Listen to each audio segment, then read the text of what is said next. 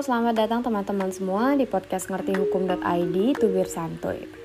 Di podcast pada kali ini kita akan membahas mengenai usaha atau bisnis. Nah, biasanya untuk memulai usaha kita akan melakukan planning atau persiapan yang cukup matang terlebih dahulu. Nah, misalnya kita riset terlebih dahulu mengenai kebutuhan konsumen, riset mengenai harga, Kemudian kita juga akan membuat strategi promosi, bahkan menyiapkan packaging yang cantik dan menarik. Nah, namun pada kenyataannya ada satu hal yang masih dan sering terabaikan dan tidak dipenuhi oleh pelaku usaha ya. Nah, apa sih yang sering dilupakan oleh pelaku usaha? Yang paling sering dilupakan oleh pelaku usaha itu adalah legalitas. Nah, apa itu legalitas dan apa pentingnya bagi pelaku usaha?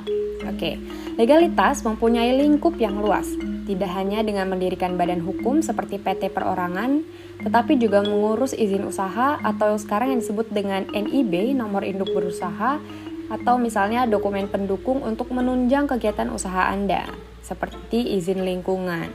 Nah, kenapa sih legalitas itu penting untuk pengusaha?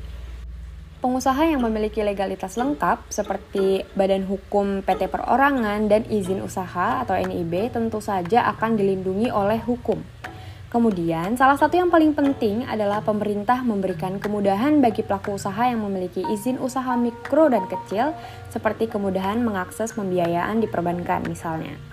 Nah, ada nggak sih resikonya kalau seorang pelaku usaha ini tidak memiliki PT perorangan atau izin usaha? Tentu saja ada. Resikonya adalah Anda sebagai pelaku usaha tidak dapat mengembangkan bisnis Anda. Karena apabila Anda tidak memiliki legalitas, akses pembiayaan ke bank atau kemudahan kerjasama dengan perusahaan lain akan jauh lebih sulit. Bahkan apabila Anda tidak memiliki legalitas, Anda akan kesulitan untuk mendapatkan bantuan dana dan investasi dari pihak lain. Karena setiap pihak lain yang ingin berinvestasi atau bekerja sama dengan Anda tentu saja akan meragukan kredibilitas usaha Anda karena usaha Anda tidak terdaftar di pemerintah.